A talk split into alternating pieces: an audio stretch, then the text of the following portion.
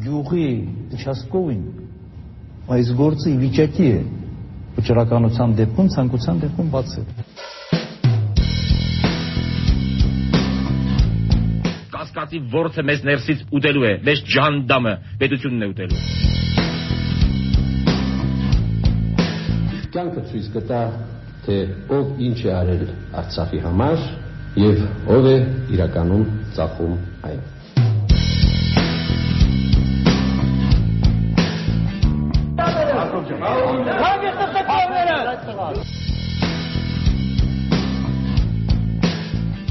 Ձեզ այնքան կծեց են դալաններում, որ դուք կարտագաղթեք։ Նորագույն պատմություն։ Երրորդ հանրապետությունն ազատության աչքերով։ Ուղիղ 25 տարի առաջ 1998 թվականի հունիսին Երևանի կոնյակի գործարանը դադարեց Հայաստանի Հանրապետության սեփականությունը հանդիսանալ միջազգային աճուրդով վաճառվելով ֆրանսիական Pernod Ricard ընկերությանը։ Ընդամենը մի քանի ամսում բանակցված եւ ավարտին հասցված գործարքի մասին առաջին տեղեկությունները Երևանում սկսեցին շրջանառվել մայիսին, անակնկալ դառնալով անգամ քաղաքական շրջանակների համար։ Երևանի կոնյակի գործարանի սեփականաշնորհումը սպառնում է դառնալ աղմկահար հարույց եւ սկանդալային գործարք։ Անցած շաբաթվա սկզբին, երբ հանրությանը հայտնի դարձավ գործարքի մոտավոր արժեքը, որը կազմում է 30 միլիոն դոլար, այդ պահից էլ սկսվեցին խմորումները։ Ազգորաթերթում այսօր հրապարակված էր մի տեղեկություն, թե երկրապահ падգամավորական խմբի եւ հանրապետություն խմբակցության մի շարք падգամավորներ ստորագրություններ են հավաքում Կոնյակի գործարանի սեփականաշնորհման հարցը ազգային ժողովի օրակարգ մտցնելու համար։ Հիշեցնենք, որ համաձայն օրենսդրության Ազգային ժողովն իրավունք ունի ձեռնարկությունը հանել սեփականաշնորհման ցուցակից, դրանով խափանելով վաճառքը, քանի դեռ այն չի կայացել։ Կոնյակի գործարանը ֆինանսական խոշոր ներդրումների կամ նոր տեխնոլոգիաների կարիք չունի։ Հետևաբար վաճառքի արդյունավետությունը գնահատելու հիմնական չափանիշը դառնում է գինը։ Այս գործարանի համար 30 միլիոն դոլարը շատերին թվում է շատ քիչ, եւ խնդիրը ազգային ժողովի օրակարգում հայտնվելու դեպքում կարող է սուր զարգացումներ ստանալ։ Ազատության 1998 թվականի մայիսի 19-ի եթերում Երևանի կոնյակի գործարանի սեփականաշնորհման գործընթացի մասին պատմում էր Վահան Հովանիսյանը։ Այն, որ սուր արձագանքները բացառված չեն, կառավարությունում լավ էին հասկանում։ Ոստի սպասվող գործարքի մասին աշխատում էին ժամանակից շուտ չբարձրաձայնել։ Հյուրանշանակ վարչապետ Արմեն Դարփինյանն օրինակ մայիսի կեսերին կայացած խորհրդարանի նիստերից մեկի ժամանակ չկա կարողացավ թաքցնել զարմանքը, երբ ազգային ժողովի տնտեսական հարցերի հանձնաժողովի նախագահ Վահագն Խաչատրյանն իրեն հարց ուղեց կոնյակի գործարանի վաճառքի մասին, հիշատակելով անգամ ապագա գործարքի 30 միլիոն դոլար գինը։ Դարփինյանն այս պնդումը չհերքեց արձանագրելով միայն, որ Խաչատրյանը լավ տեղեկացված է ապագա գործարքի դետալների հանրայնացմանը դեմ էին նաև Դարփինյանին ենթակա նախարարները։ Օրերս արդյունաբերության առևտրի եւ զբոսաշրջության նախարար Գառնիկ Նանագուլյանը վրթովմունք արտահայտեց, որ լրատվամիջոցները տվյալներ են հրապարակում միջազգային մրցույթով սեփականաշնորհումների վերաբերյալ։ Նախարարի ընդգծմամբ դրանք խանգարում են արտասահմանյան միջոցների լիարժեք արդյունավետ ներգրավմանը։ Ի պատասխան Գոլես Արմենի թերթը այսօր նշում է. Գաղտնիության քողի տակ ազգային հարստության վաճառքը լայն հասարակությանը մղում է զգուշավորության ու անվստահության։ Ազատության 1998 թվականի հունիսի 2-ի եթերում մամուլի տեսությունը ներկայացնում էր Մաչե Սարգսյանը։ Կոնյակի գործարանի սեփականաշնորհման դեմ հանրային ընդվզումը զարմանալի չէր։ 1887 թվականին ստեղծված ձեռնարկությունը տասնամյակների ընթացքում դարձել էր Հայաստանի այցեքարտերից, խորհրդանիշերից մեկը, եւ երբ այն ազգային հարստություն էին անվանում, ապա նման բնորոշումը դժվար էր հուզական չափազանցություն անվանել։ Բացի այդ, պետք էր հասկանալ, կոնյակի գործարանի վաճառքով դրա նոր սեփականատերերը ոչ միայն Երևանի կենտրոնում գտնվող հսկայական շինության եւ հարող տարածքի արդեն արտադրված կոնյակի կամ լայնորեն հայտնի ապրանքանիշի, այլև Թայերովի, Շուստովի, հայտնի կոնյակագործներ Մկրտիչ Մուսինյանցի եւ Մարգար Սեջակյանի ջանքերով ստեղծված ժառանգության տերն էին դառնում։ Պակաս կարևոր չէր այն հանգամանքը, որ նոր սեփականատերերին էր անցնում հայ հայկական կոնյակի ողջ շուկան, նախ եւ առաջ Ռուսաստանը, որտեղ ֆրանսիացի կոնյակագործների ներկայությունը 90-ականներին աննշան էր։ Վաճառքի ընդդիմախոսները նաեւ նկատում էին, որ Երևանի կոնյակի գործարանը ոչ թե սուբսիդավորման հույսին մնացած եւ պետության համար բեռի վերածված ձեռնարկություն է, այլ երկրի խոշորագույն հարկատուներից մեկը։ Սեփականաշնորհմանը նախորդած տարում օրինակ 1997-ին կոնյակի գործարանը պետբյուջե էր փոխանցել 3 միլիարդ 400 միլիոն դրամ, ինչն այն ժամանակվա փոխարժեքով շուրջ 7 միլիոն ամերիկյան դոլար էր կազմում։ Այս ամենին գումարած ներկայացված նախագծով նոր սեփականատիրոջն էին անցնում նաև Երևանի կոնյակի գործարանի կազմում գործող եւս 3 ձեռնարկություններ՝ Նարմավիրի, Վուրաստանի եւ Այգեստանի գործարանները, որոնց մասնագիտացումը կոնյակի սպիրտի արտադրությունն էր։ Ամենալուրջ մտավախությունների աղբյուրը սակայն այն էր, որ գործարանը հենց ֆրանսիական ընկերություն էր ցանկանում գնել։ Բանն այն է, որ ֆրանսիացիները սկզբունքորեն չէին ընդունում, որ այն ինչ արտադրվում է Երևանում կոնյակ է։ Գնորդ կողմի համոզմամբ կոնյակ կարող էր կոչվել միայն համանուն ֆրանսիական երկրամասում աճեցված խաղողից արտադրված խմիչքը, ուստի հայկական կոնյակն այսուհետ պետք է բրենդի կոչվեր։ Ոմանց համոզմամբ ֆրանսիական ընկերության համար գործարքի պայմանների նման շահավետությունը եւս մեկ պատճառ էլ ուներ։ Ֆրանսիայի եւ Հայաստանի նախագահներ Շակ Շիրակի եւ Ռոբերտ Քոչարյանի ջերմ հարաբերությունները։ Ֆրանսիայի նախագահի անունն այս կոնտեքստում առաջինը շոշափեց ազգային ժողովի նախագահը բախվելով կոմունիստ падգամավոր Խորեն Սարգսյանի կոշտ հակադարձմանը։ Կամ ինչ անշանակում, ասենք, Խոսով Հարությունյանի հայտարարությունը, թե գիտես, վաղ գալիս է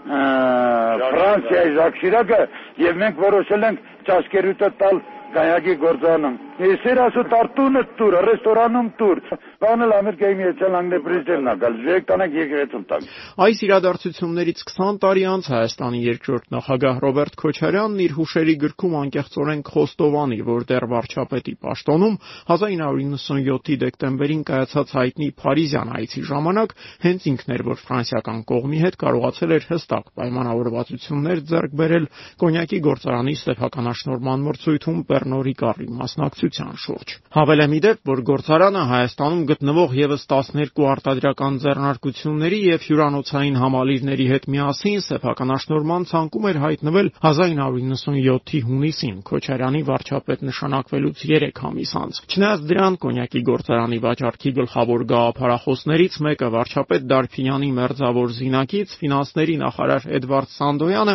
այդ օրերին Հայաստանի գրեթե բոլոր իշխանությունների ամենասիրելի պատճառաբանություններ ներկայացնում։ Մենք մեղավոր չենք, մեղավոր են նախկինները։ 4 վարչապետ ըստ էության կոնյակի գործարանով է զբաղվել,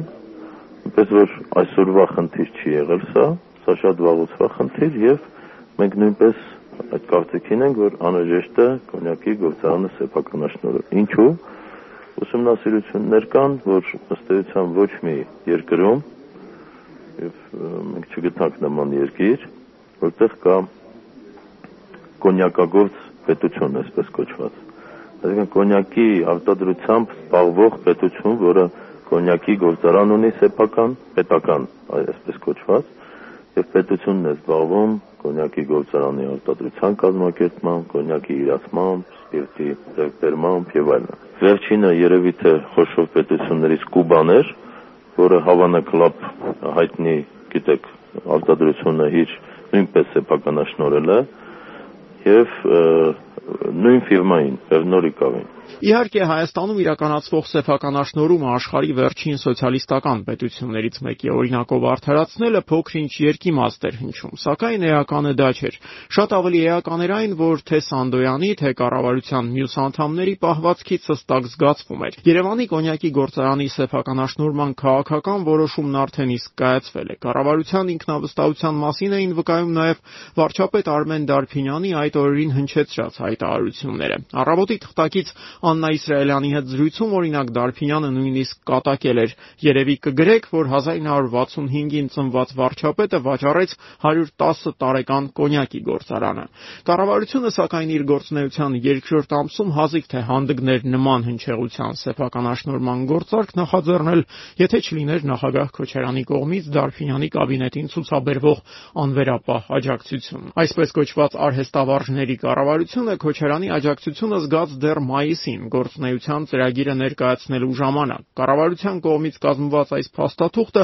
падգամավորները դեկլարատիվ բնույթի խոստումների շարան էին անվանում, իսկ դրա գլխավոր թերությունն ամենադիպուկը բնորոշեց հայոց համազգային շարժման վարչության նախագահ Վանո Սիրադեղյանը։ Գրվածը փակ նատուրալ տնտեսությամբ ապրող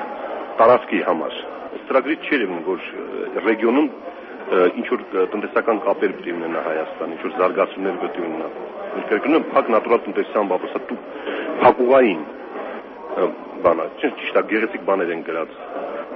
բայց հիմնական հարցին պատասխան չկա։ Ինչ անելու Հայաստանը անդրկովկասում եւ մեր զավար արևելքում։ Դարփյանի կառավարության եւ խորհրդանի եւս մեկ բախման պատճառը 98-ի մայիսին ազգային ժողովում շրջանառվող օրենսդրական երկու նախաձեռնություններն էին, որոնցով падգամավորներն առաջարկում էին փոփոխություններ կատարել եկամտահարկի եւ ավելացված արժեքի հարկի դրույքաչափերում։ Ուղղակի հակասության մեջ մտնելով կառավարության ծրագրի հիմնարար դրույթների հետ։ Եկամտահարկի մասին օրենքը ընդունվեց առանց մեծ դժվարությունների ավելացված արժեքի հարկի 8%-ով նվազեցումը սակայն տեղի չունեցավ Բաղրամյան 26-ից գործադրված ճնշման պատճառով։ Երկու միանման քվեարկություն եւ երկու միանգամային տարբեր արդյունքներ ինչ տեղի ունեցավ չորեքշաբթի եւ հինգշաբթի օրվա նիստերի միջև ընկած ժամանակահատվածում Պատգամավորների հայացքները տնտեսության մասին արմատապես փոխվեցին, թե կառավարությունը սկսեց ավելի համոզիչ բացատրություններ գտնել ընդդեմ հարկային բեռնի նվազեցման։ Ամենայն հավանականությամբ երկրորդը, բայց կառավարությունն իր ուզածն ապացուցեց ոչ թե տնտեսագիտական փաստարկների,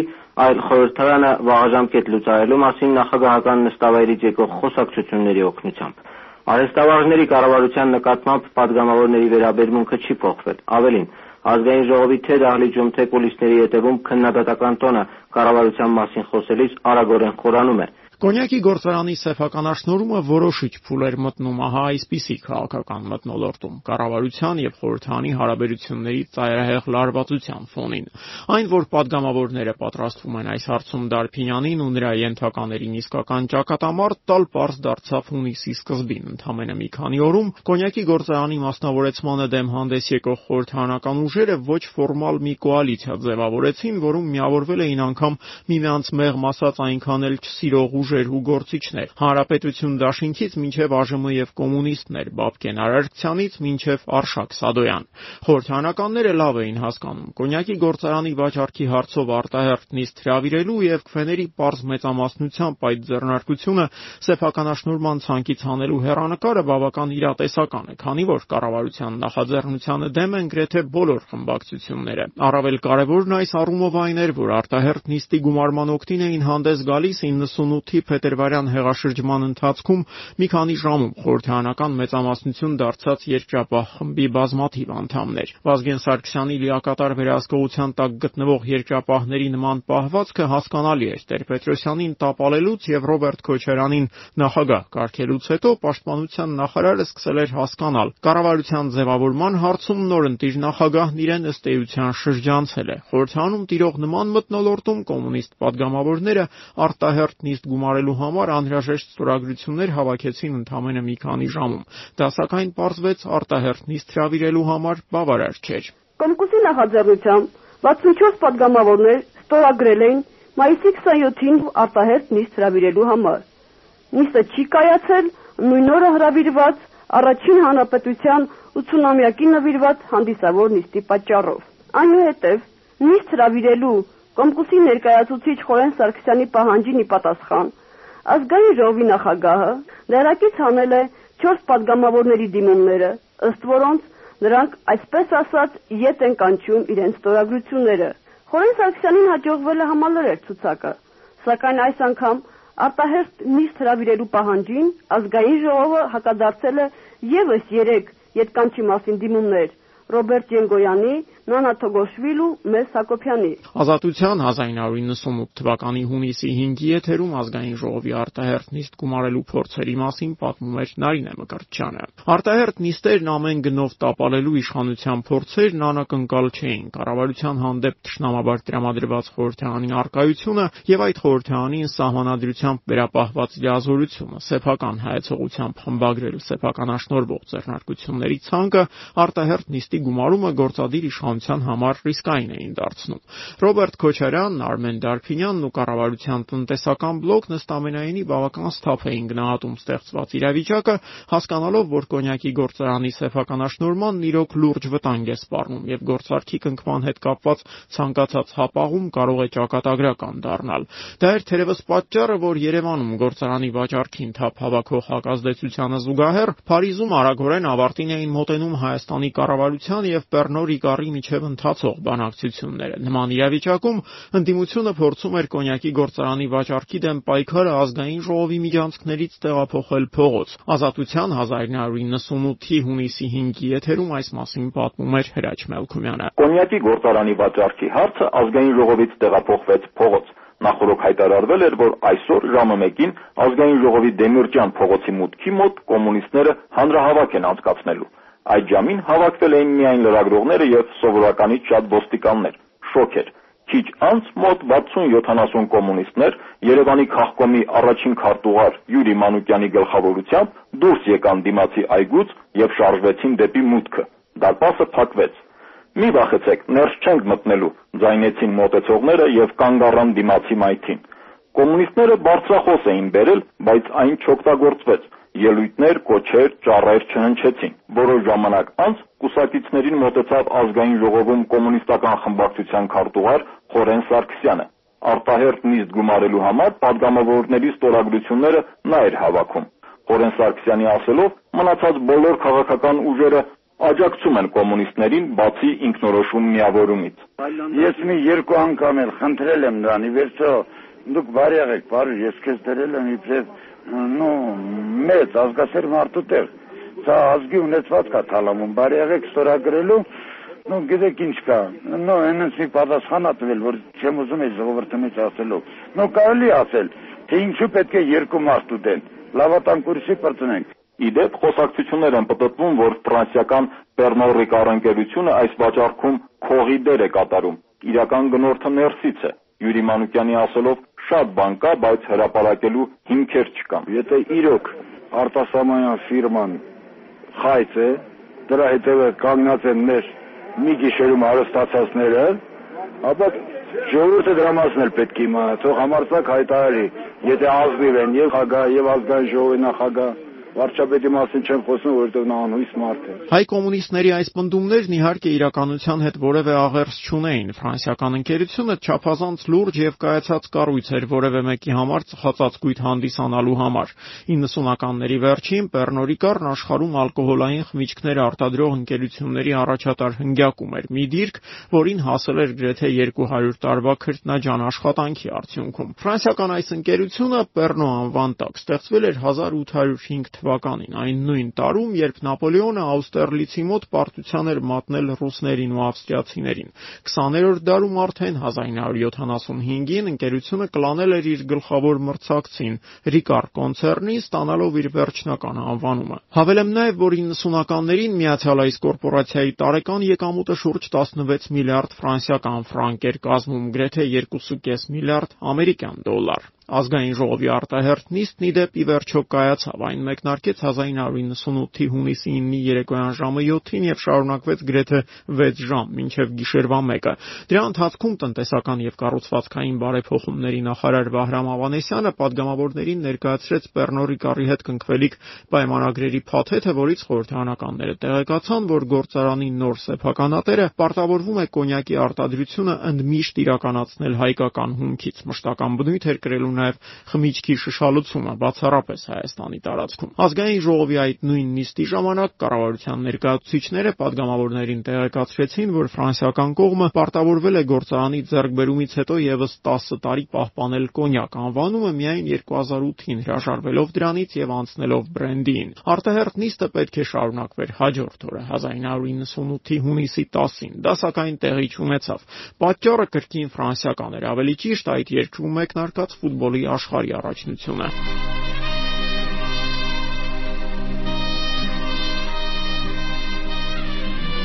Բացատրելով նիստերի հետաձգումը Վանո Սիրադեղյանը նկատել էր. իրեն ու ընտրողներին հարգող ոչ մի խորհրդարան ֆուտբոլի աշխարհի առաջնության բացման օրը նիստ չի անի ու նման կարևոր հարցեր չի քննարկի։ Ճիշտ է, ֆուտբոլին այս նվիրվածությունը հայ падգամավորների մոտ տևեց ընդամենը 24 ժամ եւ առաջնության երկրորդ օրը ազգային ժողովի արտահերթ նիստը շարունակվեց հունիսի 11-ի ուշ երեկոյան ավարտվելով քվեարկությամբ։ Երևանի կոնյակի գործարանը 1998-2000 թվականների մասնավորեցման հանցանքից հանելու օգտին հանդես եկավ արտահերթ նիստին գրանցված 157 падգամավորներից 72-ը։ Փաստորեն, ձեռնարկության սեփական աշնորհումը տապալելու համար չբավարարեց ընդամենը 4 ձայն։ Նիստին ներկա падգամավորների մի զգալի մասն ավելի քան 50 հոգի թեև գրանցվել էր, սակայն քվեարկությանն այդպես էլ չմասնակցեց։ Եվս 24 հոգի ձեռնպահ էր։ Ի զարմանս շատերի դրանց թվում էր նաև Վանո Սիրադեղյանը։ ՀՀՇ վարչության նախագահի մոտեցումն այս հարցում հանրապետություն խմբակցության այսպես ասած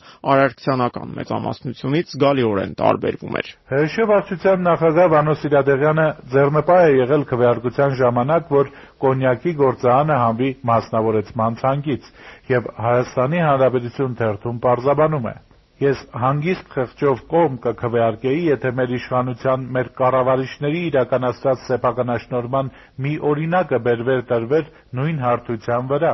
ՀՀՇ-ն փաստորեն չի կարողացել նորմալ սեփականաշնորհում իրականացնել իր կառավարության միջոցով, հիմա փորձում է ուրիշ կառավարության ստիպել անելու այն, ինչ ինքը չի արել։ Սա ես նորմալ չեմ համարում, բարոյական չեմ համարում։ 98-ի ամռանն ի դեպ երբեմն կարող էր տպավորություն ստեղծվել, որ Վանոս Սիրադեղյանն իր դեմ հարուցվելիք քրեական գործի մասին համառորեն շրջանառվող լուրերին զուգահեռ փորձում է ավելորդ անգամ չսրել հարաբերությունները նոր իշխանությունների հետ, ինչով էլ ոմանք բացատրում էին կոնյակի գործարանի սեփականաշնորմանը վերաբերող Սիրադեղյանի հայտարարությունների փոքրինչ անսպասելի տոնայնությունը։ Նրա ворթեգրած նման պահվածքը 1998-ի մայիս-հունիս ամիսներին հայոց համա համազգային շարժման ներսում անգամ որոշակի լարվածության պատճառ էր դարձել, ստիպելով Սիրադեղյանին կուսակցության վարչության նիստում քվեարկության դնել իր վստահության հարցը։ Քվեարկություն, որից Անո Սիրադեղյանն ամեն դեպքում կարողացավ հեշտությամբ հաղթող դուրս գալ։ Ինչ վերաբերում է ազգային ժողովում կոնյակի գործարանի հարցով կայացած քվեարկությանն, ապա դրա արդյունքները դեռ ակտիվորեն քննարկվում էին, երբ հայտնի դարձավ, որ Հայաստանի կառավարությունն ու Պեռնորի գառընկերությունը Փարիզում վերջապես ստորագրել են 5 համաձայնագրերից բաղկացած 120 էջանոց պայմանագիրը։ Հայաստանի սեփականաշնորհման նախարար Պավել Ղալթախջյանը ֆրանսիական Pernod Ricard ընկերության գլխավոր տնօրեն Թիերի Ժակեի հետ Փարիզում այսօր ստորագրեցին Երևանի կոնյակի գործարանի սեփականաշնորհման համաձայնագիրը։ Ըստ այդ համաձայնագրի Pernod Ricard ընկերությունը 30 միլիոն դոլար է վճարում Երևանի կոնյակի գործարանի գնման համար եւ հանձն է առնում 5 տարվա ընթացքում ներդնել 4 միլիոն դոլար արդիականացնելու համար արդյունաբերական սարքավորումները եւ ապահովելու համար հայկական կոնյակի, ավելի ճիշտ հայկական բրանդիի արտածումն ու վաճառքը։ Հայկական կոնյակի գործարանի գնումով Pernod Ricard-ը ամենից առաջ հաստատվում է մի երկրում, ուր նա դեռևս ներկա չէր, բայց միաժամանակ հնարավորություն է ստանում 100%-ով տեր դառնալ այդ գործարանի կապիտալին եւ նրանից ստացվող շահույթին, բացատրեց Pernod Ricard-ի ընդհանուր տնօրեն Thierry Jacquin. Un bénéfice à partir du moment où nous sommes propriétaires, ils nous, ils nous appartiennent. Գործարանը գնելուց հետո նրանից ստացվող շահույթը պատկանում է մեր խմբին, մեր ընկերությանը, ասաք Pernod Ricard-ի պատասխանատուներից մեկը։ Իսկ թե ինչ է շահում Հայաստանը, Si on a acheté au bout de six mois, l'Arménie a les six premiers mois. Գործարանը գնելով մենք դառնում ենք հայկական մի ընկերություն, որը արտադրելու է միջազգային մակարդակով Թուրք է վճարելու Հայաստանի պետությանը, վճարելու է աշխատավորների աշխատավարձը, հավելելու է արտադրությունը, քանի որ մենք մտադիր ենք կրկնապատկել կոնյակի արտադրությունը 7 տարվա ընթացքում, Հետևաբար աշխատեցնելու ենք ավելի շատ մարդկանց։ Ընկերությունը շահելու է ավելի մեծ գումարներ, հետևաբար ավելի մեծ տուրքերը վճարելու Հայաստանին։ Առաջին կադրային որոշումը կոնյակի գործարանի նոր սեփականատերերը հրապարակեցին գրեթե անմիջապես, պաշտոնից հեռացնելով ձեռնարկության տնօրեն Ալբերտ Հերոյանին։ Գործարքի հակառակորդներից շատերը լուրն անթաքույց չարախնդությամբ ընդունեցին, քանի որ Հերոյանը կոնյակի գործարանը ֆրանսիացիներին վաճառելու ամենահետևողական, ոմանց գնահատմամբ նույնիսկ ամենաագրեսիվ ջատագովներից մեկն էր։ Ասում ենք թանգարան է, հա, թանգարանը, այդ մարդը չի շալագելու տանը իրան հանրապետություն։ Ազգորաթերթն իդեպ այդ օրերին պնդում էր, որ պաշտոնանկությունը Հերոյանի համար խիստ անակնկալ էր։ Նրան իբր Դարփինյանի կառավարությունից նույնիսկ խոստացել էին, որ գործարքին աջակցելու դիմաց շարունակելու է որպես տնօրեն աշխատել նաև ֆրանսիացիների օրոք։ Թերթը կառավարության երկու նախարարներին վկայակոչելով նույնիսկ տեղեկացնում էր, որ իր պաշտոնանկության լուրն առնելուն պես Հերոյանը շտապել էր կառավարություն գործադիր իշխանության ղեկավարներին հայտնելով այն ամենն, ինչ մտածում է նրանց մասին։ Ռոբերտ Քոչարյանն ու Արմեն Դարփինյանը սակայն Հերոյանին նեղացնելու ցանկություն չունեին։ Կոնյակի գործարանի վաճառքից 6 օր անց Հերոյանն արդեն այլ պաշտոն ուներ։ Նա նշանակվեց Արմավիրի մարզպետ։ Իշխանության համար կոնյակի գործարանի սեփականաշնորհման հարցն այլևս փակ էր։ Ընդդիմությունը, սակայն, պայքարը դադարեցնել չէր շտապում։ 1998-ի հունիսի 2-րդ կեսին ընդդիմադիրները նոր մարտավարություն ворթեգրեցին։ Եթե գործարանի վաճառքի մասին պայմանագրի ստորագրումը կանխել չէր հաջողվել, պետք էր փորձել չեղարկել արդեն կնքված գործարքը։ Էդվարդ Եգորյանի ղեկավարած հայրենիք խմբում օրինակ վստահ էին, որ այդ քայլին դիմելու համար խորհրդարանը դեռ 6 ամիս ժամանակ ունի, մինչև ֆրանսիացիներից սպասվող 30 միլիոն դոլար վճարման վերջին տրանշը։ Գործարքը չեղարկելու համար, սակայն կրկին ազգային ժողովի արտահերթ նիստ էր հարկավոր գումարել։ Այս process-ի սկիզբը բավական խոստումնալից էր։ Ընդամենը մի քանի ժամում ազգային ժողովի 68 падգամավորներ ստորագրեցին արտահերթ նիստ գումարելու նախաձեռնության ձևաթղթի տակ։ Սրան զուգահեռ ընդդիմությունը որոշեց նաև ուժեղացնել փողոցային ճնշումը։ Մինչ ազգային ժողովի արտահերթնից հրավիրելու եւ Երևանի կոնյակի գործարանի վաճառքը քննարկելու օկտեն ստորագրած 68 падգամավորները երկրի նախագահից պատասխանի են սպասում, Նույն նախաձեռնողներն այսօր հանրահավաք անցկացրին Երևանի Ազատության հրապարակում։ Նրանք իրենք էլ իրենց ելույթներում շեշտեցին, որ ներկայացնում են տարբեր գաղափարախոսություններ ու ամենատարբեր տեսակետներ ունեն այլև այլ հարցերում, սակայն միասնական են հանդես գալիս այս գործարքի դեմ ԱԺՄ, Հայրենիք, Կոմկուս եւ անկախ падգամավոր Վահագն Խաչատրյան։ Գարկախոսներ չկային, ակնհայտորեն սոցիալապես ամենաանապահով խավը չէ, որ եկել էր այստեղ։ Սովորականից շատ էին լրագրողներն ու падգամավորները, բայց եւ հրապարակում սպասվածից քիչ մարդ էր հավաքվել, երևի մոտ 2-3 հազար։ Հանրահավաքի անունից պահանջագիր դիմումն ընթերցեց Էդվարդ Եգորյանը։ Առաջին կետն ուղված է հանրապետության նախագահին եւ պահանջում է այս առիթով ազգային ժողովի արտահերտ նիստի հրավիրում եւ նստաշրջանի ընթացքում քննարկումների ազատության, քվեարկության ժամանակ падգամավորների ազատ կամքի արտահայտության իրավունքի ապահովում։ Ազատության 1998-ի հունիսի 19-ի եթերում կոնյակի գործարանի սեփականաշնորհման դեմ կազմակերպված հանրահավաքի մասին պատմում էր Ռուզան Խաչատրյանը։ Այս անգամ սակայն նախագահ Քոչարյանն ու կառավարությունը հակված չէին հանդուրժել կոնյակի գործարանի վաճառքին նվիրված խորհրդարանական եւս մեկ քննարկման անցկացումը։ Դա པարզ դարձավ Ազատության հրապարակում հրավիրված հանրահավաքի հաջորդ օրը Ռոբերտ Քոչարյանի եւ Հայաստանի տիտղոսային մտավորականության հանդիպման ժամանակ։ Մեզ մնացել է վաճառենք Մատենադարանը եւ օպերայի թատրոնը եւ մեզ էլ հետ է։ Հերիկ Իգիթյանի այս ելույթն իրականում կոնյակի գործարանի վաճառքին չէ, որ նվիրված էր։ Վիճահարույց գործարքի կնքումից 8 օր անց հավիրված այս հանդիպման ժամանակ 100-ից ավելի նոմենկլատուրային մտավորականները գերադասում էին քննադատել ոչ թե գործող, այլ նախկին Լևոն Տեր-Պետրոսյանի իշխանության գործնեությունը, ինչն էլ հավաքին ներկա լրագրողների ռեպորտաժներից դատելով Ռոբերտ Քոչարյանին ակնհայտորեն դուր էր գալիս։ Կոնյակի գործարանի վաճառքին մտավորականներից մի քանիսն իհարկե անդրադարձան, ճիշտ է, շատ երկչոտ ձևակերպումներով։ Նման բարեհաճ մտնոլորտը Քոչարյանին հնարավորություն տվեց առաջին անգամ շատ հստակորեն արտահայտել իր տեսակետն այս հարցում նշելով. «Բարեկամներ, սա փայլուն գործարք է»։ Մարդիկ, ովքեր ժամանակին ուղակի պատասխանատու էին երկիրը թալանելու համար, այսօր հանկարծ մեկ առանձին գործարանի շատ ակտիվ պաշտպանն են դարձել։ Հայտարարում էր Քոչարյանը նաև կոնկրետ անուններ մատնանշելով։ Խնդրեմ, Վահագն Խաչատրյան, նախկին քաղաքապետ, մենք կարող ենք նաև հրապարակել ինչ է կատարվել Երևանում սեփականաշնորհման գործընթացում նրա քաղաքապետ եղած ժամանակ, հայտարարում էր Քոչարյանը, կոշտ խոսքեր ուղղելով կոնյակի գործարանի վաճառքին ընդդիմացող մի շարք այլ падգամավորների, մասնավորաբար Շահեն Պետրոսյանի եւ Էդվարդ Եգորյանի հասցեին։ Դահլիճը հրճվանքով ընդունեց սույն կոշտ գնահատականները, հայ անվանի մտավորականների արձագանքն այսպես էր նկարագրում ազգը։ Այսքանից հետո պարզ էր. Ռոբերտ Քոչարյանը ազգային ժողովի արտահերթ նիստի գումարման մասին հրամանագիր չի ստորագրելու, առավելևս որ նրա խոսքով օրենքն այդ քայլին դիմելու համար նախագահային որևէ հստակ ժամկետային շրջանակների մեջ չի դնում։ Ոստի ինքը կարող է այս հարցում մտորել որքան ցանկանա։ Շատ եմ մտածելու հարցն այսպես փակեց երկրի նախագահը։ 98-ի ամռանը ընդդիմությունը կոնյակի գործարանի վաճառքը չեղարկելու մի քանի փորձեր եւս կձեռնարկի, անգամ ցանկանալով հարցը տեղափոխել սահմանադրական դատարան, բայց կրկին ապարդյուն։ Ընդդիմության այսպես կոչված սիտուատիվ իրավիճակային դաշինքն այս հարցում թեև պարտվել էր, բայց դրա գլխավոր ընդդիմախոսները Արմեն Դարփինյանի կառավարության անդամները եւս աննախանձելի վիճակում էին։ Արհեստավարժների կառավարությունը պաշտոնավարման երկրորդ ամսում արդեն հաջողացրել էր գրեթե ամբողջությամբ մսխել վստահության առանց այդ էլ սահմանափակ քաղաքական ռեսուրսը։ Մամուլում եւ քաղաքական կուլիսներում Դարփինյանի կաբինետը նույնիսկ նոր հեգնական անվանում էր ստացել՝ ժամանակավոր կառավարություն։ Ոք չէր ենթադրում, թե կոնյակի գործարանի վաճառքը կարող է դառնալ քաղաքական ճգնաժամի պատճառ, իսկ այլ կերպ կան ճգնաժամ այս լարումը կոչել հնարավոր չէ։ Կոնյակի գործարանի վաճառքի դեմ պայքարում Արշակ Սադոյանը լավացրել է իր հարաբերությունները ՀՀՇ-ի ու մյուս նախկին հակառակորդների հետ։ Հատկանշական է, որ նաև Ռոբերտ Քոչարյանին աջակցող քաղաքական կուսակցությունները ցույց չեն տալիս, թե այս գործարքի կողմնակիցն են։ Ոմանք լռում են, ոմանք էլ բացահայտ դեմ են խոսում։ 100 օրը չսպառած կառավարությունը հասարակական դաշտում լուրջ պարտություն կրեց։ Այդ պարտությունը կառավարության անդամները massամբ ընդունում են։ Տնտեսական եւ կառուցվածքային բարեփոխումների նախարար Վահրամ Ավանեսյանը ձեր թղթակցին ասաց, թե միանգամից մի քանի ուղղություններով արհեստավարժ լինել հնարավոր չէ։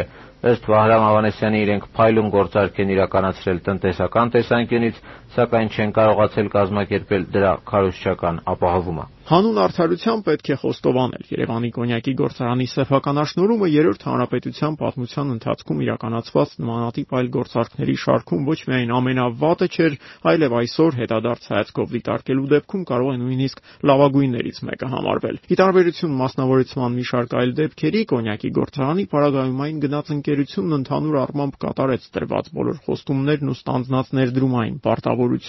Ամեն դեպքում Պեռնորի կարի հետ կնքված պայմանագիրը դժվար է համեմատել, ասենք, Հայաստանի հեռահաղորդակցության ոլորտը հունական ՕՏ ընկերությանը վաճառելու կամ էլ տխրահարճակ Գույք Պարտքի դիմացի հետ։ Իսկ ինչ վերաբերում է այս աղմկալի պատմության գլխավոր գործող անձանց հետագա ճակատագրերին, ապա դրանք շատ տարբեր կերպով դասավորվեցին։ Արմեն Դարփինյանի երիտասարդ արհեստավարժների թիմը կոնյակի գործարանի մասնավորեցումից հետո պաշտոնավարեց եւս 1 տարի։ 1999-ի խորհրդանական ընտրությունների արդյունքներով խոսքերով իր տեղը զիջելով Վազգեն Սարգսյանի նախարարական կաբինետին։ Գործարանի վաճառքի գլխավոր ընդդիմախոսներից մեկը Էդվարդ Եգորյանը կյանքից հեռացավ այս ողջ զարգացումներից 1 տարի անց 1999-ի հուլիսին, երբ ընդամենը 45 տարեկան էր։ Արշակ Սադոյանը մինչև 2007 թվականը հասցրեց եւս երկու գումարման խորհրդարանների падգամավոր ընտրվել նրա անմոռաց ձայնն ու ժողովրդական տրիբունի կերպարը տարիների ընթացքում անշեղորեն համրում էին հանրության աչքերում։ Կոնյակի գործարանի մասնավորեցման մյուս հակառակորդները հայ կոմունիստները եւս թուլանում էին. 1999-ին նրանց վերջին անգամ հաջողվեց առանձին խմբակցություն ձևավորել ազգային ժողովում, այդ հաջողությունը կրկնել սակայն նրանք չեն կարողանում արդեն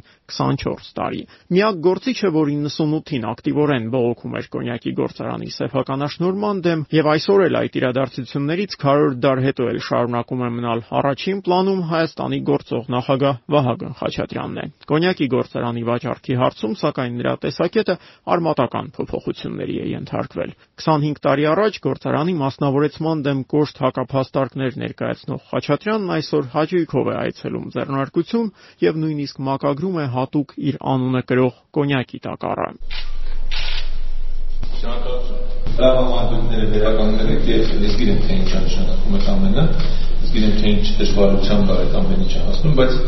ձեզ ուզում եմ ասել, որ շատ գնահատելի է եւ մաղթում եմ միայն իրեն աշխատանքային հաջողություններ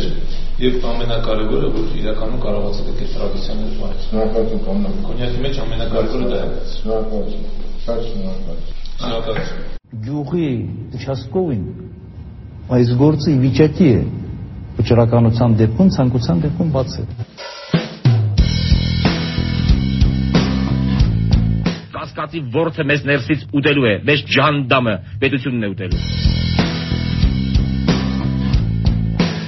կյանքը ցույց կտա, թե ով ինչ է արել Արցախի համար եւ ով է իրականում ծախում այն։